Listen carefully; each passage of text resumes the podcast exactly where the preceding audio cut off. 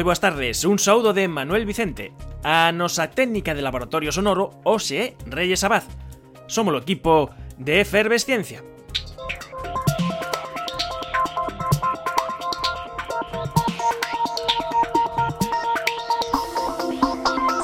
A soberanía dun home está oculta na dimensión dos seus coñecementos. Isto é de Francis Bacon. Neste programa somos soberanos para buscar contidos interesantes e curiosos cada semana, e vos, como non, para escoitarnos se queredes.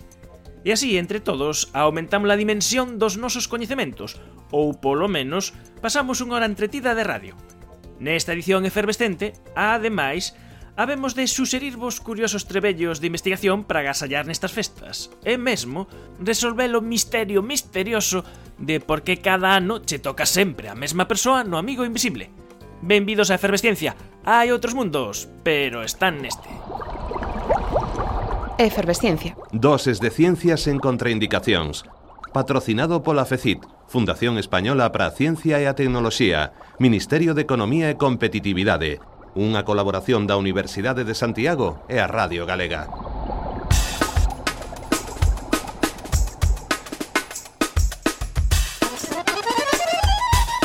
a Alejandro García Caballero, é psiquiatra do Hospital de Día en Ourense e investigador do Grupo de Psiquiatría Clínica, Psiquiatría Social e Psicoterapia da USC.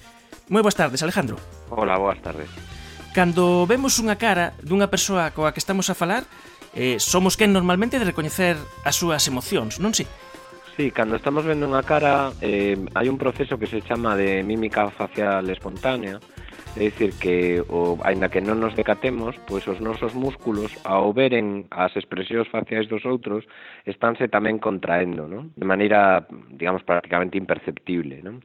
Eh, iso está mediado por uns sistemas a nivel cerebral que se chaman os sistemas de neurona espello e parece que son os sistemas que de alguma maneira están eh, por detrás da empatía, non? É dicir, que nós ao mirar os sentimentos que teñen os demás, as expresións que fan os demais coa cara, eh, pois de alguna maneira sentimos o mesmo que están pasando esas persoas. E este eh, sentimento que funciona normalmente eh, en determinados doentes non funciona eh, ben, por exemplo, cos doentes con esquizofrenia. Eh, sí, eh, estes sistemas de, de neurona espello están moi estudiados, por exemplo, no caso do autismo, e os rapaces con autismo, as persoas con autismo, pois teñen moitas dificultades para recoñecer as expresións nas caras, non? Uh -huh eh, a partir desa, desa literatura, non? eh, pois digamos eses mesmos eh, modelos de estudio pois se aplicaron en esquizofrenia e se veu que tamén moitos pacientes con esquizofrenia pois teñen dificultades para recoñecer as emocións nas caras, tamén nas voces e noutro tipo de expresións non dos demais. Entón, bueno, é claro, isto é un problema porque moitas veces interpretan de maneira incorrecta, non? Eh, por exemplo, expresións de tipo neutral, pois os pacientes as interpretan como de maneira hostil, de tal xeito pois que ao final acaban facendo pois pensando que os demais están enfadados con eles, eh co cual pois se comportan pois de maneira ao mellor pois máis eh, enfadada, non, da que correspondería, non? Entón, bueno, pois hai sistemas eh para tratar de mellorar ese recoñecemento das emocións nas caras, eh, que normalmente son con, con vídeos, con tutoriais, onde se lles explica pois, en que cousas se teñen que fixar non? Para, e despois con pequenos con pequenos xogos, con pequenos xogos pois que cambian, digamos, son como pequenas animacións en onde cambia moi rapidamente a expresión facial e ti tes que pois que decidir cal desas emocións é a máis correcta, non, para describir o que estás vendo, non?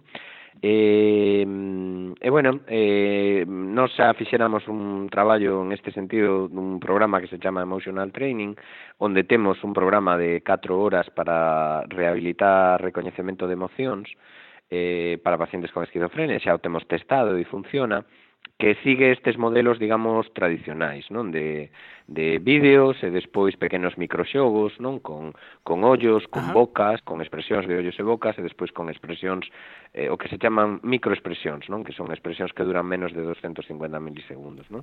E xa sabíamos que eso funcionaba. Entón, agora, nesta nova investigación, pois o que nos plantexamos é unha cousa distinta. Supondo non que o que falla por detrás son os sistemas de neurona espello, o que estamos tratando é de ver si por medio da mímica, por medio da imitación, os pacientes melloran o recoñecemento das emocións. É dicir, agora, en lugar de facerlle xogos non para que recoñezan as emocións, eh, o que estamos facendo é un xogo novo eh, onde se lle presenta unha cara modelo e eh, o paciente pois, ten que imitar esa cara e, e a, bueno, nós temos un software eh, que é un software holandés que de alguna maneira, bueno, o modificamos matemáticamente eh, para darlle puntos aos pacientes como se forran un xogo, está gamificado que Ajá. E entón, bueno, pues, eh, fixemos un, un experimento piloto na, na, no Centro de Atención Psicosocial Albores, en Monforte, que o, o levou a cabo a doutora Carmen Armas, que é psiquiatra ali, que lle dixo eu a tese, e obtivo resultados positivos, é dicir, que despois de facer eh, sesións de imitación, non efectivamente, pois os pacientes melloraban no recoñecemento de emocións. A diferencia co tratamento que decías antes é esta retroalimentación, é o software que te está dicindo se estás facendo ben, se estás facendo mal, non? E xa tedes calibrada cantas sesións son necesarias para ver avances? Eh, hasta o de agora o que fixemos no primeiro experimento foron 32 sesións que son moitas sesións de, de, de caras, non? É dicir, o xogo é divertido, eu de feito parte dos controis que se utilizaron na miña mostra, pois foron as miñas propias fillas, e bueno, había que lles dicir que pararan, non? Porque xa pasaban todo o día, non? Eh, facendo imitación de caras, non? É dicir, o xogo é divertido, pero bueno, de calquera maneira 32 sesións pois son moitas sesións, non? Entón agora o que vamos a mirar en, en dous traballos de fin de grau da Universidade de Santiago é cal é a dosis mínima eficaz, é dicir, si, si con oito ou con 16 sesións pois pode ser suficiente. E, e estou a pensar, non sei, ocurreseme agora, eh, que este entrenamento eh, para recoñecer emocións, eh, para practicar ver que pasa nas nosas caras, non sei se para xente, por exemplo, que que fai teatro, se unha variante desto lle pode valer, porque realmente eh, non sei se isto sí, é porque unha eh, educación. Bueno, é, é, é curioso porque eh, mm, vamos a ver, nós fixemos moitos repertorios de fotografías de de tanto de alumnos como de actores, como de, bueno, de personas voluntarias pues que participaron eh, xenerosamente, non, prestándonos as súas caras pois para para poñer estas expresións faciais, non? Para os modelos, digamos, non, que nos incluímos dentro da plataforma web, non? Eh, e hai xente que ten dificultades gravísimas para para poñer as emocións, é dicir, ti estás enseñando un modelo diante, ten, teñen un espello, teñen que poñer a cara e non son capaces, é dicir, ti sacas a foto e a cara eh, moitas veces é imposible determinar que expresión está tratando de poñer, non? Eh, entón, bueno, pues efectivamente se podería eh, utilizar pues, con outros fines, pues, o mellor máis de tipo lúdico ou máis de entrenamento, pues, o mellor efectivamente pues, para actores ou para aficionados, non? Eh, sí que sería interesante, sí. Además, estou pensando que é curioso que, que este traballo que desenvolvedes entronca con traballos que fixo o mesmo Darwin, que el tamén estudiou as, as emocións e as caras, eh, estudiou fo fotografías de ver como eran as emocións e como se transmitían, e se as emocións, a pregunta que había tamén despois, será unha cuestión cultural ou unha cuestión que todos levamos dentro. O sea, se, se este software, este sistema que vos facedes, eh, funciona, eh, logo se pode aplicar a outras culturas, por exemplo. Eh, bueno, sí, claro, pero habería que mm, adaptalo. Eh, é dicir, ese é un debate eh, mm, super fecundo, super interesante, non? Nos anos 60 Paul Ekman eh, foi a Papúa Nueva Guinea a estudiar precisamente culturas que eran eh, iletradas, que eran analfabetas, para ver si recoñecían da mesma maneira que as culturas, digamos, pues alfabetizadas, non? Eh, as emocións faciais, non? Con sistemas pues bastante ingeniosos desde o punto de vista antropolóxico, non? Entón, bueno, de alguma maneira esos foron os estudios, digamos, eh, fundacionais de que efectivamente na na mm, as expresións eran as seis expresións básicas de Ekman, non? Eh, alegría, tristeza, medo, asco e enfado, eran mm, expresións universais, non? Eh, sin embargo, nos últimos anos, non, eh hai eh comenta digamos isto era o lugar común a nivel internacional, non? É dicir, ninguén era a teoría, digamos, eh estándar, non? Recentemente eh, hai, sobre todo desde o campo, digamos, da antropoloxía, eh, xente que, que, este, que está criticando os estudios orixinais de Ekman, non? E que está dicindo que, que, que foron mal deseñados e que de alguma maneira houve como certos artefactos non? de investigación e que entón, bueno, pues habería que discutir se si realmente eh, a, a todas as expresións son universais ou non. Eh, que o que a mí me parece que, que bueno, eh, se podería, digamos, adaptar a culturas de maneira sinxela, non? É dicir, que poderíamos pedirlle pues, a, a membros de outras culturas que fixeran eles as expresións faciais e que despois que, que probablemente teñen matices non eh, leves non con respecto ao das nosas non e despois pedirlle aos usuarios dali e calibrar o sistema pois para que recoñeza esas outras eh, digamos esas outras variedades non eso se, se podería facer sí. E todas estas eh, investigacións que estades facendo de, de probar eh, este sistema eh, a que, bueno, a idea que isto repercuta eh, no sistema de saúde galego a, a través desa plataforma eh, emocional training e que poida no seu momento estar disponible, non? Para quen o necesite. Sí, bueno, de feito, vamos, contamos con que para o ano que ven pois pues, xa empezar a, a implementalo, non? O, o, o sistema o que estamos buscando é que sexan verdadeiros xogos, é dicir, que non sea unha lata facer estas cousas, sino que aos pacientes lles parezca divertido, non? Eh, de tal maneira que, bueno, pois pues que, que despois eles pois pues, poidan coas súas claves pois xogar desde a casa ou desde unha tablet, non? Eh, e que podan facer, evidentemente, pois pues isto non é a panacea, ni moito menos, de feito, bueno, pois, pues, aínda que estamos obtendo resultados positivos eh, no, nos test non canónicos non pois para medir estas cousas O que é tamén que hai que explicarlle un pouco a público xeral é que unha cousa son os resultados que non estamos obtendo, digamos, en laboratorio, outra cousa é se si claro. isto despois, con respecto á vida cotidiana, pois, pois produce cambios que vayan a ser evidentes pois para os familiares, a hora da conducta dos pacientes e tal. Eso todavía estamos moi lonxe de podelo demostrar. Esperamos que efectivamente pois isto axude, non, a nese camiño, pero todavía non o sabemos, non? E bueno, o que estábamos buscando, eh, che dicía, eran son eh, que os xogos sexan divertidos, é dicir que que estes instrumentos pois permitan aos pacientes desde domicilio pois facer cousas que despois obviamente pois se podan hai, hai moito traballo todavía que facer pois de, de consulta e de hospitais de día, por exemplo, non? É dicir que que esta é unha pequena parte, despois está toda a parte de de tratamento grupal, por exemplo, que é fundamental. Coito que é unha rama que para min é nova, que emerxe esta de, de, de xogos de saúde, na que o vosso grupo xa experta. Bueno, levamos xa uns cuantos anos, porque, bueno, a primeira idea disto é de 2008, o sea que, bueno, eh, xa é unha longa carreira, o que pasa que, bueno, sempre é complicado, non, ir avanzando, non? Eh, eu penso que o futuro para, por exemplo, en trastornos mentais eh, se está facendo moito, se está publicando moito, non? É dicir, mm, a literatura en, en trastorno mental, pois moitas veces ven eh, seguindo, non, a estela, pois, do que ocurriu en, en autismo, do que ocurriu en traumatismo cronoencefálico, público e, e digamos estamos adaptando técnicas pois que xurdiron de outros campos pois agora aos pacientes con trastorno mental grave, non? Non é todo, é dicir, pois evidentemente estas ferramentas son unha axuda máis, non? Pero pero penso que que además aos pacientes con esquizofrenia en xeral eh, o que é os traballos con ordenadores e con todas estas cosas, pero lle gusta moito. Entón, eh, utilizar o ordenador, pois en lugar de que para que xoguen ao eh, a un xogo, non sei, pois de guerra, non? Eh, pois para para ofrecer, non, unha ferramenta terapéutica, pois me parece que é moi interesante. A Alejandro García Caballero, eh, psiquiatra, psiquiatra do Hospital de Día en Ourense, eh, investigador no grupo de psiquiatría clínica, social e psicoterapia da USC. Grazas por atender a chamada de efervesciencia. Veña, moitísimas gracias a vos.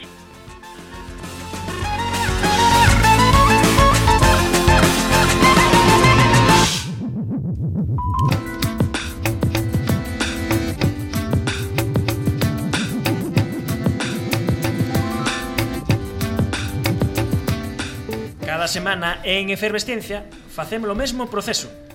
Pescudamos en laboratorios, universidades e centros de investigación buscando investigadores que nos poidan contar historias, pero historias interesantes.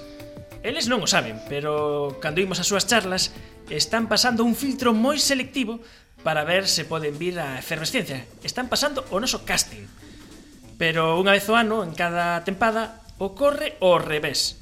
Son os investigadores e divulgadores que nos escollen a nós.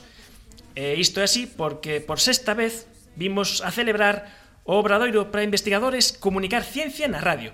E desta volta desde os estudios da Facultade de Ciencias da Comunicación da USC.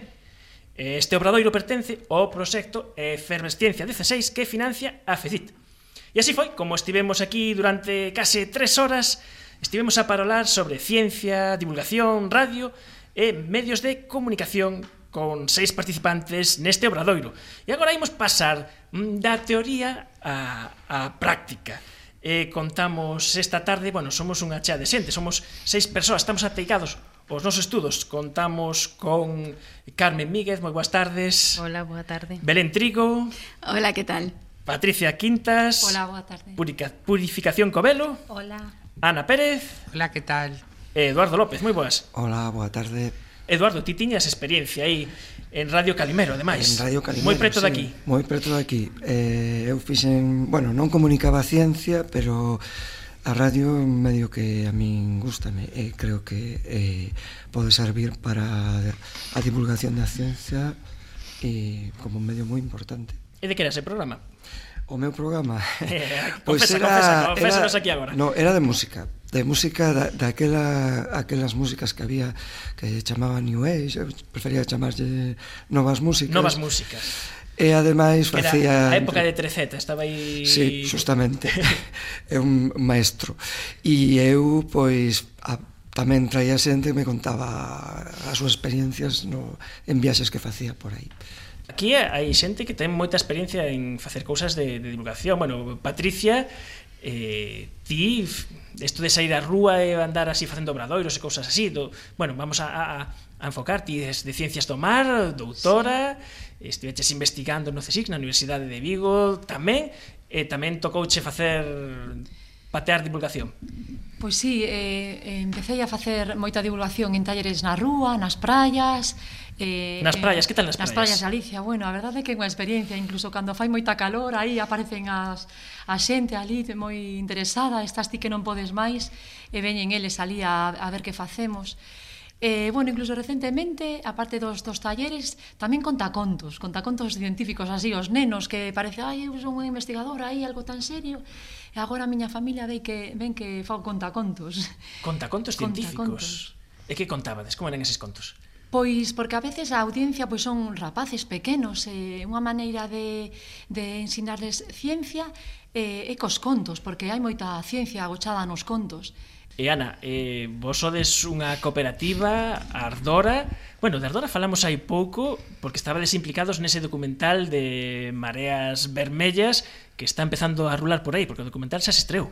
Sí, se estreou en No Cambón, en Vigo, fai pouco. Estás a mover ese documental En Ardora eh, vos eh, dades formación, xestión, estades moi relacionados tamén coas cofradías. Pois sí, nos divulgamos, eh, traballamos moito en formación marítimo pesqueira desde os sectores extractor hasta os minoristas, o comercializador, pois poñendo a posta en valor nos recursos pesqueiros, no consumo dos produtos, eh, explicar un pouco a, a bioloxía deles, un pouco todo que é a a relación do medio co recurso, dos traballos relacionados co peixe e con, co marisco en Galicia. Eh, como aquí temos de todo, eh, temos hasta xente eh, de leixes, eh, do ámbito do dereito, do dereito civil, Belén, Eh, non sei, vos abogados tedes sona de que, bueno, tedes a, se a ciencia ten os seus códigos e eh, as súas linguaxes, as leis, as leis sei que tamén como calquera especialidade, temos unha, unha linguaxe técnica, unha linguaxe propia. Pero si sí, é certo que non sei por que os de, os de dereito temos mmm, non moi boa fama con isto de, de comunicar ou de divulgar ou de facer atractiva a nosa disciplina. Non? Sempre eh, se pensa un xurista que vai chegar cargado de códigos, que vai a soltar aí un par de latinajos, eh, case, case que sae todo o mundo correndo, non? pero isto non ten nada que ver coa realidade ti tes traballado eh, dereito antidiscriminatorio. Mm, e sí. isto eh, estamos falando de, de, de palabras maiores e hai que explicar a xente os seus dereitos, hai que concienciar, aí hai que ser ben directos, non? Eu, ademais, ocupame dunha rama que é dereito entre particulares, as, mm. as relacións que temos eh, todos os días. Entón, Eh, unha eh, das eh, liñas de investigación máis recentes esta de dereito antidiscriminatorio no ámbito das relacións particulares. Non? E eh, o que ti dis de, da importancia de ser conscientes dos nosos dereitos. Por exemplo, mm, chegamos a, a un bar e nos din non, mm, temos reservado o dereito de admisión Eh, e, e que facemos? Porque non lles gusta como vou vestida, porque sou unha muller, porque non teño 20 anos e mido 1,90 m, porque o mellor sou de outra etnia, porque o mellor teño unha discapacidade. Que fago, que podo facer, non? Seguro que xa hai xente que xa está nas súas cabeciñas dicindo, é certo, poñen reservado o dereito de admisión, pero a lei o mellor teñe outros dereitos, non chega só con poñer un papel. E ben, aquí xa temos unha idade, pero polo que me din, aínda hai bares e discotecas que din aquelo de os chicos pagan, as chicas entran gratis. E isto? É discriminatorio ou non? Eh, mira, eh, mira como sale, como surden aquí, aquí preguntas. Pero eu, eu teño unha pregunta. E isto como se investiga? Como se investiga en dereito?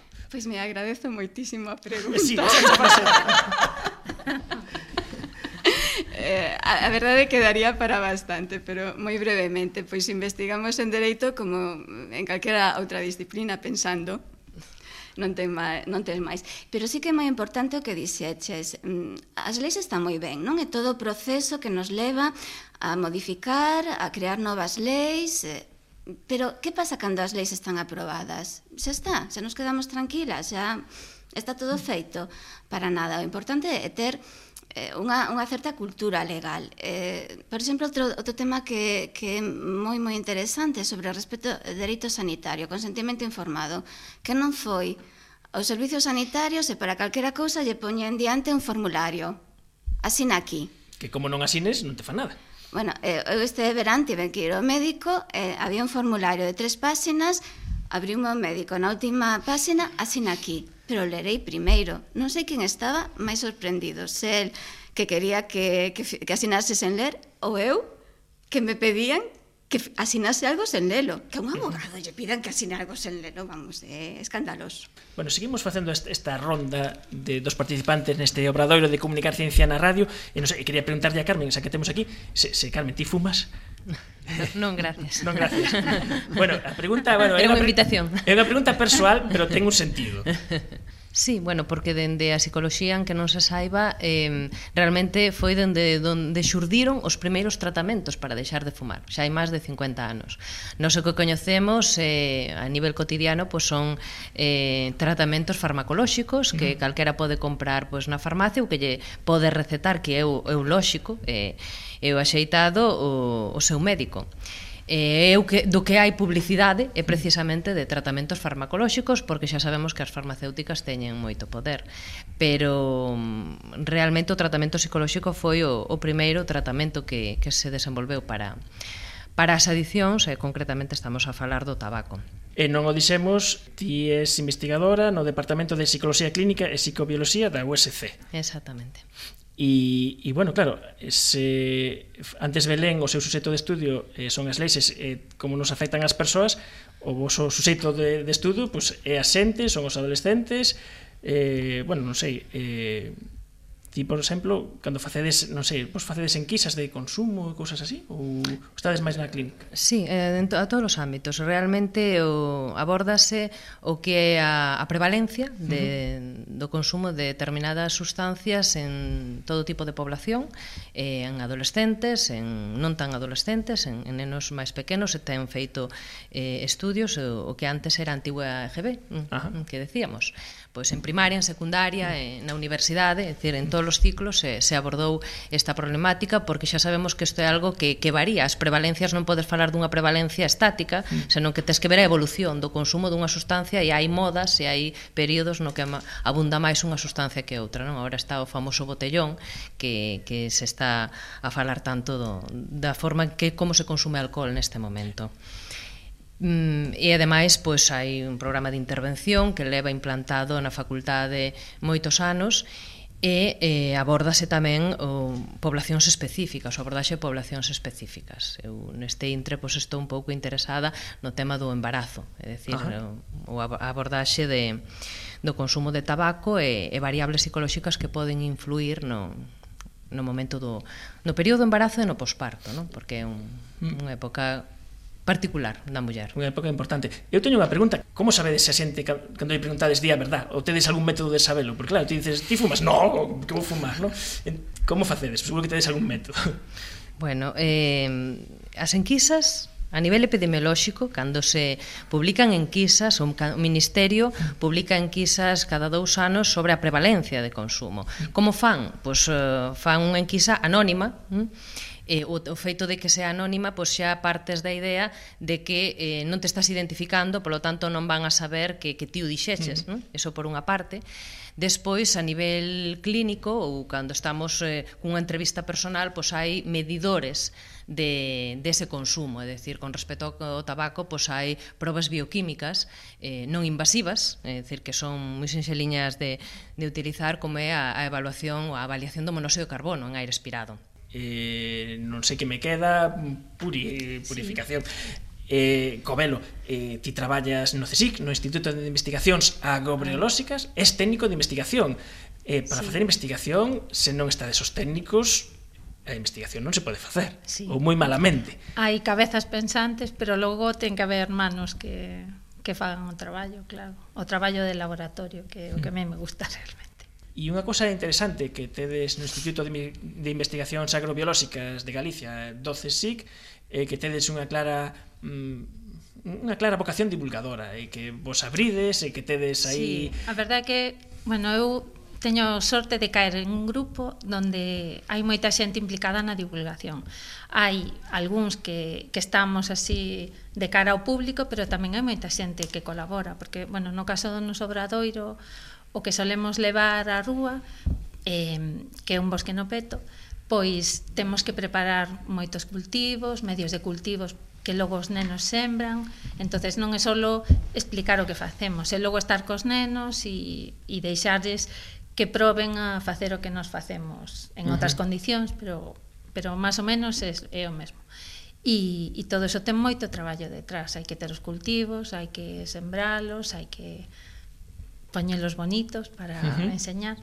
E teño a sorte eso de estar en un grupo onde a xente cree que os que nos pagan, que son todos os que nos rodean, moitos dos que van aí a ver o que facemos tamén nos están pagando de unha forma ou de outra, pois que creen que eso é importante explicarlles, polo menos un mínimo, e, e chamarlles atención sobre o que facemos. E a veces eu creo que eso que é un problema é que se cree desde algunhas persoas creen que explicarlles aos nenos pois eu que sei, un rita que é un, un recipiente que utilizamos para ter cultivos en un medio líquido eh, os utilizamos e os nenos o que fan é inflar un globo utilizando ese aparello. Claro, con eso lles estás explicando de unha forma lúdica como funciona. E parece que non lles queda nada. Pero meu fillo está facendo ahora enseñanza primaria está pre, uh -huh. en na carreira e tiveron que facer unha presentación de algo que lles chamara moito a atención durante a súa educación. E unha das nenas fixo unha presentación de unos científicos que foron unha vez ao seu cole a dar un taller e estábamos nós. Aí está, aí está. Nas fotos que presentou estábamos nós. Quere eh. decir que un montón de anos despois todavía se acordaba como o que máis lle gustara de todo o que lle enseñaran durante esos anos de escola.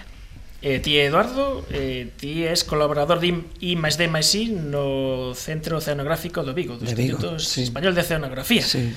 Eh, bueno, a ver, eu vos estiven investigando así a todos, e saber así un poquiño, eh, o malo que son as malas cousas que ten esta internet. Eh, eh, bueno, eh, eh por exemplo, eh, como, como se sabe un surrel que idade ten? Que, que, que hai que mirar? Pois hai que, que mirar unhas pezas hai que mirar unhas pezas esqueléticas que ten no oído que se chaman otolitos e que o miralo vense unhas liñas parecidas ás dos árbores E con eso podemos deducir a edade dos peixes, uh -huh. por exemplo. E por que ti a que te dedicas? Pois unha gran parte do meu traballo adícase a, mm, a facer campañas de investigación pesquera eh, na zona onde pescan os, os nosos pesqueiros, por exemplo. Andas embarcado logo? Efectivamente. Unha, unha gran parte adícome a, a embarcar, por exemplo, no Gran Sol, no no, no Mediterráneo, no Cantábrico, en Terranova, en un buque de investigación pesqueira, para obter os datos que logo con esos investigadores eh, a requerimento da Unión Europea pois fan todas as cotas de captura. E bueno, isto é importante sobre todo para que a xente saiba. Este ano ademais máis eh, cúmprense 100 anos de, bueno, se cumpriso o ano pasado 100 anos de, de a, a fundación do Instituto Español de Oceanografía e este ano do noso centro. E estamos facendo unha labor de divulgación de cale a nosa labor que creo que é bastante descoñecida. Eh, vos non sei se sodes non sei se un pouco como por eso que dis que faz un pouco como os malos da película, non sei se no sector, porque claro, sodes aí os que eh, intentades poñer criterios obxectivos e científicos eh, para que o obxectivo final é que poida haber recurso, pero mellor eso é difícil que se vexa, claro.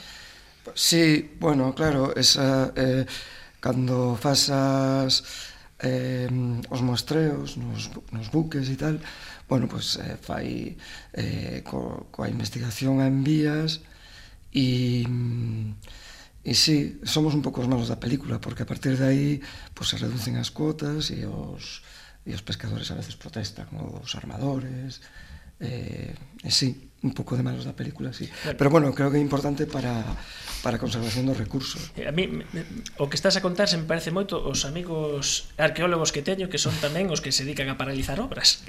Cando fan unha obra, fan unha cata, descubre unhas ruínas romanas e a culpa é dos arqueólogos que fixeron esa cata, que era mellor que non a fixeran, no? que era sí. como esconder o coñecemento aí debaixo e non queremos ver non queremos saber. Bueno, eu coido que xa demos esta ronda eh, eh, con, como vedes, temos así un, un poquiño de todos, de, de de xente que quiso vir a este obradoiro de, de efervescencia e vos quería lanzar un par de preguntas así eh, serais así para todos.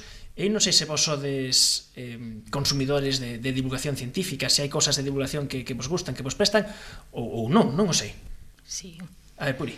Bueno, creo que eso, que ahora por sorte é moito máis fácil acceder a todo tipo de, de información sobre cousas que se fan algunhas máis específicas, outras menos, Pero bueno, xa en Galicia o blog este G Ciencia, é, Est, sí, é estupendo e podes aprender moitas cousas, pero logo hai moita xente que parte do seu tempo o dedica a eso, a intentar explicar o que fai el e o que fan os demais. Vale, e apuntamos que ciencia, unha que boa... ciencia moi boa. Unha boa escolla, algunha cousa máis que, que, que vos preste. Pode ser de agora cousas que xa non existan, eso, se me decides Calsagan me vale tamén, eh? Bueno, penso que é importante que os eh, divulgar o que se fai nos centros de, de, inve de investigación, que a maioría, por outra, por outra banda, son, son públicos, uh -huh. eh, que, eh, diñeiro de todos, e que salga, bueno, eh, que se fai, uh -huh. en que se invirte ese, ese diñeiro. Como vos enganchastes o que facedes? Como vos enganchastes a ciencia? Como vos enganchastes ao dereito ou a psicoloxía? Como acabastes onde, como acabastes onde acabastes? Porque seguro que mellor aí se poden contar cousas. Pois, pois eu, eu por exemplo, sí. eh, quedeime no paro. O sea, eu estaba facendo investigación sempre, mm. eh, ligada así a proxectos, pero de repente eh, cando estaba no CSIC nos proxectos de Cabaliños, pois de forma paralela, Luisa que levaba o tema de divulgación no, no CSIC, pois chamábamos unha vez ao ano ou dous para facer talleres. Pero despois no paro foi me chamando para máis cousas, e entón provei distintos formatos e costame bastante. Por exemplo, o de facer talleres dirixidos a, a docentes, a profesores do, de colexios. Uh -huh. É tamén así moi interesante, porque lles ensinas como poden dar as súas clases de ciencias de outra maneira, uh eh, máis dinámica, con experimentos, tratando a veces os propios profesores como a nenos. Eu recordo un taller moi divertido nun colexio, e fun ali, estaban as profesoras, eh, non, non usei o PowerPoint aí teórico, non, non, ele veu te unha caixa toda chea de material, eh, vi o temario dos nenos, a, aquí dan o ciclo da auga, aquí a saúde, ben, eh, fixemos ali, non sei, cinco ou seis experimentos, Recordo que remataron ali facendo o sistema solar e, e todas, se me están escoitando algunha delas, todas, e, e unha era o Sol, outros planetas, a, e, no, e non, non sabían cal era e luna chea, luna nova, non, non o sabían realmente explicar, e, des, e o fixeron ali como unha especie de teatriño, estivo moi ben, unha cousa práctica con elas, e foi moi divertido.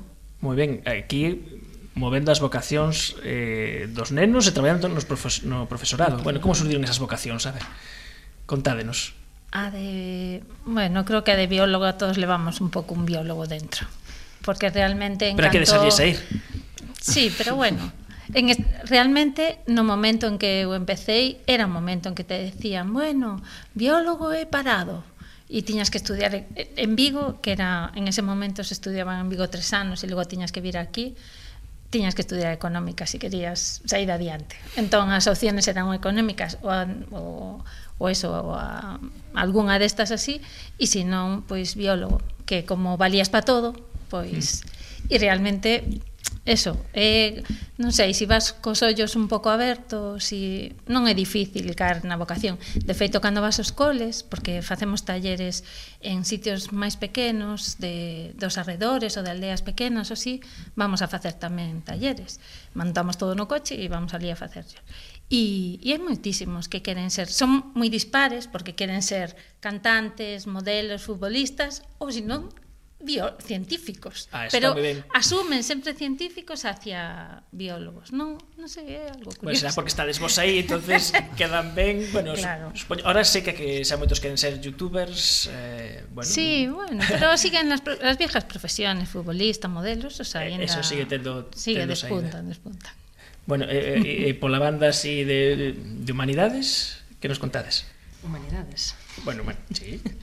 Ciencias sociais. Ciencias sociais. No. bueno, non imos entrar, bueno, imos entrar serate, bueno, temos que dicir que no Obradoiro vamos a contar cosas. Aquí no Obradoiro Belén eh, xa empezou dura e dixo, bueno, a ver que se entende aquí por divulgación, que, que, se vai, que se vai a divulgar porque estamos aquí eh, bueno, aquí tamén se pode divulgar eh, dereito, historia e moitas cousas. Hai que facelo ben eh, a verdade é que concordamos que concordamos que sí. Ben, relacionando ese comentario co, eh, que, que pode ser atractivo en dereito eh, o primeiro que hai que saber é que en dereito encantanos discutir. Entón, isto de debater, de, de expresar distintas opinións, de que nada é branco e negro, son todo grises, Pois eu creo que é algo moi atractivo. Para que serve o dereito? Para solucionar problemas. Mm, non é eh, un coñecemento erudito, como podería pensar, que me dicías antes, como investigades? Pois identificando problemas e intentando resolvelos. Simplemente, que pasa? Que os nosos problemas son os problemas da sociedade, os problemas da convivencia, os problemas do grupo social. Entón temos que eh, adaptarnos á sociedade, ver que pasa na sociedade, que problemas hai, que necesidades, e E que temos que facer para dar resposta a esos problemas, a esas necesidades? Entón, a mí, xa digo, pareceme moi atractivo. A min tamén me parece moi atractiva a psicología. bueno, pois pues véndenos, véndenos a psicología, que non queda aquí desventaxe, porque máis temos aquí falta, non fai falta vendela, non, non fai falta. falta, creo que se vende sola, Vendese sola, porque está no día a día en todo o que facemos, é ¿eh? o comportamento humano daquela, como decía Belén, eh, de resolver problemas. Hm? Aquí é resolver problemas, pero tamén entender, entender o, o comportamento humano e, e as problemáticas que xurden. E, sobre todo, eu creo que o que che dá, sobre todo, esta, esta profesión é moita flexibilidade en canto a poder entender que mm, somos moi distintos uns de outros, que hai moitas formas de ver o mundo, de ver a vida ou de entender o que é conceptos como a felicidade, por exemplo, é decir que porque tamén dentro da psicología hai moitos abordaxes, eh, uh -huh. é decir para chegar a unha a unha solución ou para chegar a un ao que se pode chamar unha intervención psicolóxica, eh, hai distintos abordaxes terapéuticos para chegar ao mesmo fin. E iso que quere decir? Que non só hai un camiño mm, para chegar a ese fin. E, e tamén é moi importante pois isto que, que estamos aquí, a comunicación, é dicir, no, no noso ámbito pois a comunicación tanto verbal como non verbal préstaselle bastante atención. Por lo tanto, é un, un aspecto a ter en conta sempre comunicación como que estivemos a falar durante esta tarde neste obradoiro de comunicar ciencia na radio que serviu para que todas estas persoas que, que estamos escoitando esta tarde para falar de todos estes temas eh, comunicación que é o máis importante que temos na radio contar historias contar, transmitir paixón, coñecemento, sorrisos como tivemos aquí, eh, coñecer vidas, trayectorias diversas. E eh, bueno, eu quero darvos as grazas eh, a todos vos por, por, por vires por participar neste obradoiro que o gallá, pois eh, eu coido que cada vez que facemos este obradoiro eu, polo menos eu descubro que a radio como medio ten moito, moito, moito futuro, porque ao final estamos falando as orellas de todos os que estades, dos que estades aí e é comunicación e son persoas e que a ciencia tamén, que a ciencia tamén ten moito que contar. Bueno, pois moitas grazas a todos por, por vires, Carmen Míguez, Belén Trigo, Patricia Quintas, Purificación Covelo, Ana Pérez e Eduardo López. Adeus e ata a próxima vez que compartamos micros. Gracias. Gracias, Gracias ata logo.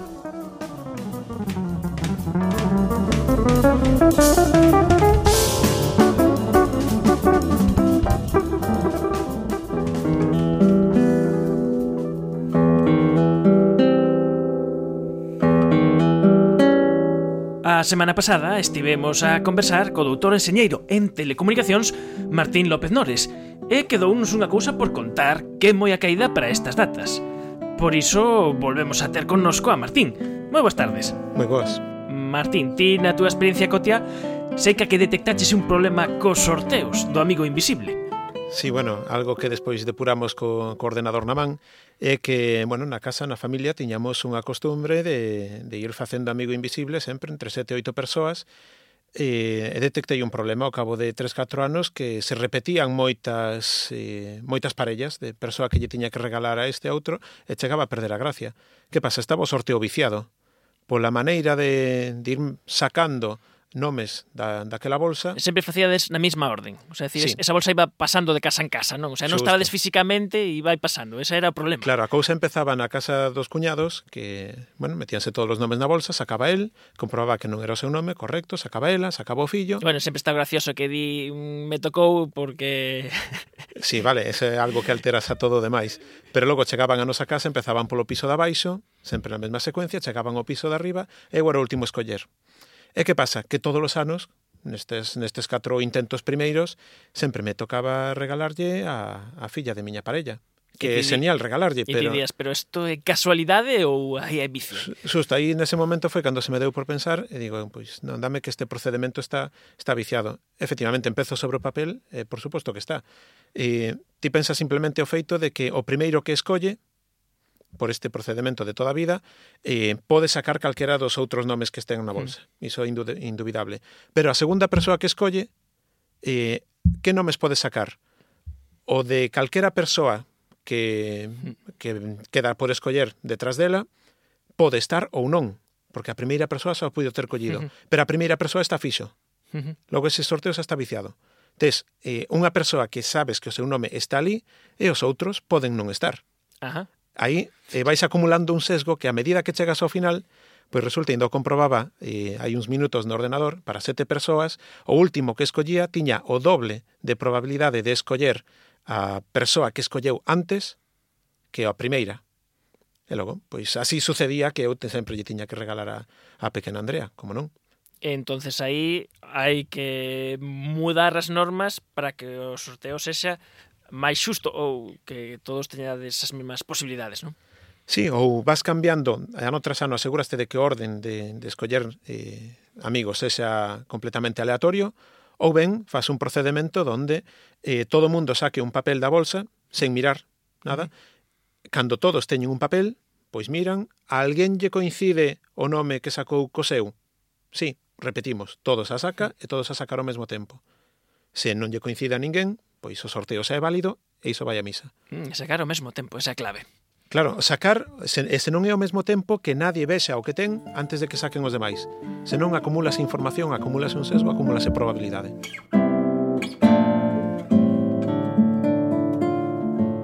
Agora que entramos en tempos de amigos invisibles, este pode ser un bo consello a hora de facer os sorteos. Moitas grazas, Martín López Nores. Moitísimas gracias a vos.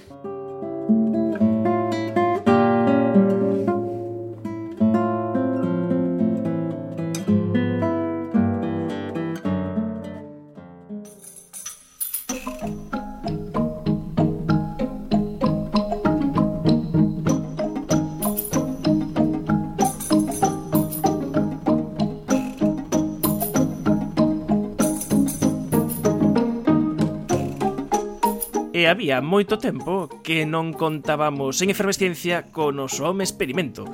David Ballesteros, moi boas tardes. Hola Manuel, que tal estamos? Moi ben. E chamamos o noso amigo David Ballesteros porque é o experto en facer trebellos e cousas na casa para cacharrear. E lle pedimos, xa que estamos nas datas que estamos, que David, por favor, eh, que nos fixeses unhas recomendacións de xoguetes para xogar, para xogar grandes e pequenos en familia. E fixetes así unha pequena escolma. Sí, collín así 4 ou 5 cousas, basicamente buscando que sexan económicas, que non están os tempos para gastar barbaridades, pero grazas a Deus comeza a ver cousas de ciencia moi chulas e moi ben de prezo. Por exemplo, todos tivemos a ilusión de ter ese microscopio para ver cousas, ese microscopio que a veces cando ao final chegou moito non se vía. Exacto, eso era unha das grandes frustracións. Ti convencido de que ibas a analizar sangue, ver todo o detalle, virus e bacterias e cousas increíbles, e ao final grazas si veías un pouco unha mostra que viña co microscopio. Pero hoxe en día cambiou moitísimo iso. Por exemplo, por menos de 20 euros podes atopar por internet eh, microscopios lupa USB Ah, Aclaro, poñen microscopio, realmente son webcams con unhas lentes que actúan como unha lupa, porque non atravesan a luz a mostra. Pero realmente dan unha calidade de imaxe sorprendentemente boa, e ademais permiten gravar vídeo e facer fotografías, co cal o rapaz pode, ou o pai ou a nai poden facer un documental rollo National Geographic espectacular xa. Realmente non decepcionan polo prezo que teñen. Outra cousa que presta agora moito son as cousas relacionadas co mundo da electrónica. Exacto, a electrónica está eh, de moda, está moi de moda a robótica, por exemplo. Que pasa? Que ti vas como pai todo ilusionado á tenda de xoguetes e cando ves o prezo dos robots caes para atrás. Sí. Porque as cousas programables e mínimamente avanzadas parece que tens que gastarte 300, 400 euros. E non, hai alternativas moi chulas, moi ben de prezo. Que temos por aí? Pois mira, unha das que a mí máis me gustan é o M-Bot, tal como soa. M-Bot. Unha M e bot de robot de traes. Ajá Daeme. Son un robotiños pequenos baseados en Arduino. Arduino xa falamos penso algunha vez de que é unha plataforma libre de programación para programar dispositivos e controlalos, que sucede? Que eso abarata moitísimo o prezo, que sexa eh, baseado en hardware libre. Entón, leva sensores e ve montado como un coche, co cal xa para os rapaces é moito máis atractivo. Uh -huh. E ben programado xa, xa fai cousiñas en que eh, comencemos a programar. Xa pode seguir liñas, leva sensores de ultrasons para detectar obstáculos, se vaise movendo, e o podemos controlar co móvil. O sea, que xa é chegar xa podes empezar a xogar con el, e logo o chulo é facer as modificacións, aprender a facer esas modificacións. Exacto, Que pasa? Que despois podes programalo e comprarlle complementos adicionais se te gusta moito. Entón, o podes programar tanto co software de Arduino, que é realmente bastante árido, xa é unha cousa densa, Pero os mesmos fabricantes do robotiño fixeron unha variante de Scratch que se chama MBlock, que permite programalo con bloques. Dito de outra forma, calquer neno pai a partir de 9 10 anos, o neno, claro, o pai a partir da súa idade. claro que teña nove anos o pai, esperemos. Entón, pode comenzar a programar dunha forma moi moi intuitiva o robot e que faga cousas. Si se veñen arriba, xa lle poden comprar dispositivos adicionais, sensores, cadeas para ter un tanque si queren, carcasas de color rosa, calquer tipo de opción, quero decir, está aberto porque ademais ao ser hardware libre, a xente vai creando complementos. E seguro que na rede está chea de tutoriais para ver como se fan as cousas. Exacto, está a ter moito éxito no mundo educativo eso, por menos de 85 euros podes conseguir un si buscas un pouco por internet. Uh -huh. Si compras un kit de Arduino costa uns 90 100, o sea que está por debaixo do kit de Arduino normal. Unha boa opción este eh, M-Bot, eh, que máis cousiñas temos por aí? Pois mira, outra cousa que a mí vin fai pouco, que aí está a, a, a comenzar aínda, pero penso que pode dar moito xogo, sobre todo con nenos pequenos que lles atrae a electrónica, é plastilina conductora. Plastilina conductora. Sí, todos xogamos con plastilina un día ou outro da nosa vida, penso. Sí. Algún xa comimos e todo, a ver se si sabía boa. E agora comenzaron a desenrolar plastilinas eh, que conducen a electricidade. O, a, o concepto moi sinxelo, engadironlle algún electrolito, bueno, sal ou algunha sustancia para que conduza ben a electricidade. Uh -huh. Entón, comenzan a vender kits, aínda que tamén ven como facerte a túa plastilina na casa por internet, hai mil exemplos. Eh, e, e plastilina que podes da moldear con total normalidade, mercas tamén plastelina normal e conectando a pilas a plastelina co material que ven, podes encender LEDs, controlar motores e facer circuitos, pero en lugar de utilizar cables, utilizar plastilina. Co cal abre unha cantidade de posibilidades para os nenos e os pais e as nais para xogar impresionante. Incluso non sei se se pode combinar con este M-Bot que falabas antes. Pois eh, podería probarse, non teño moi claro aínda, pero eso non o probei. Pero por facer probas pódese. claro, non podes facerte instalación de casa con plastilina, non é boa idea. Non, eh, ademais hai que ter en conta que isto é eh, estás traballando eh, con intensidades que podes xerar con, con pilas, que ninguén se curra enchufar a plastilina á rede eléctrica, claro. Non, claro, evidentemente, estamos falando de xogar con plastilina e aprender con pilas, e voltaxes, bueno, intensidades insignificantes. Ahí está que non teña ningún peligro, poderías lamer a plastilina, non o recomendo, pero non pasaría nada. Conectada, y... pero non o enchufe, perdón. Eso está moi ben. E, e finalmente, que é o Makey Makey? O Makey Makey é un xoguete ou un dispositivo máis ben moi curioso porque seguro que moitas familias que están a escoitarnos, os nenos xa saben, por exemplo, programar algo en Scratch. Uh -huh. Se alguén non o coñece, se pon Scratch en internet, é a traducción en, bueno, traducido do inglés é arañar. Se alguén quere por arañar en o buscador de Google e a tradu o traduce, despois que busque Scratch, será o primeiro enlace é un entorno de programación gratuito para nenos moi avanzado, moi sinxelo, moi ben pensado.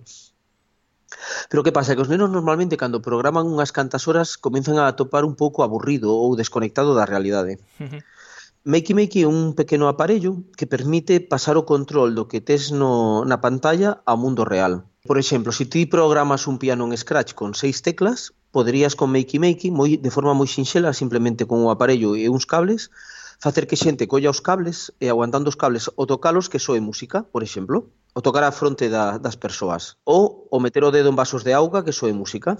Eu teño visto esta, estas cousas, demostracións, e, e son ben chulas, os nenos quedan alucinados de facer, por exemplo, que froitas sexan as teclas do piano, tocas unha, unha froita, tocas outra, e podes facer a escala completa. Exacto, o clásico é con plátano, pero dá moitísimo xogo, por exemplo, facerte con papel de aluminio unha espada e un escudo e a tocar ca espada ou escudo soe música, ou facerte o mítico xogo de operación, aquel de sacar os Ay, sí, osos sí, do sí. pobre paciente que soaba, sabes? A ti recordas. Sí, sí, sí. Pois Claro, con papel de aluminio, pois podes facer que as pinzas ao tocar a parede pechen un circuito e conectado iso a Makey Makey podes facer que puntúe o que poña na pantalla estásme a facer dano o que creas ou se te ocurra no momento ten moitísimas posibilidades creativas. Este ano imos o creativo, completamente. Creativo total. A verdade é que me encantaron estas catro propostas, eh, moi sinxelas, ben apañadas de, de prezo, e que dan para xogar, para cachear, cacharrear, pequenos e grandes, eses microscopios lupa, a plastilina condutora, o robot M-Bot, e o Makey Makey son as recomendacións do noso home experimento que el ben as testou David Ballestero para este Nadal. Eh, moitas grazas David por contárnolas. Nada, un placer, Manuel, como sempre. Bo Nadal e a disfrutar das festas, cos xoguetes tecnolóxicos e científicos.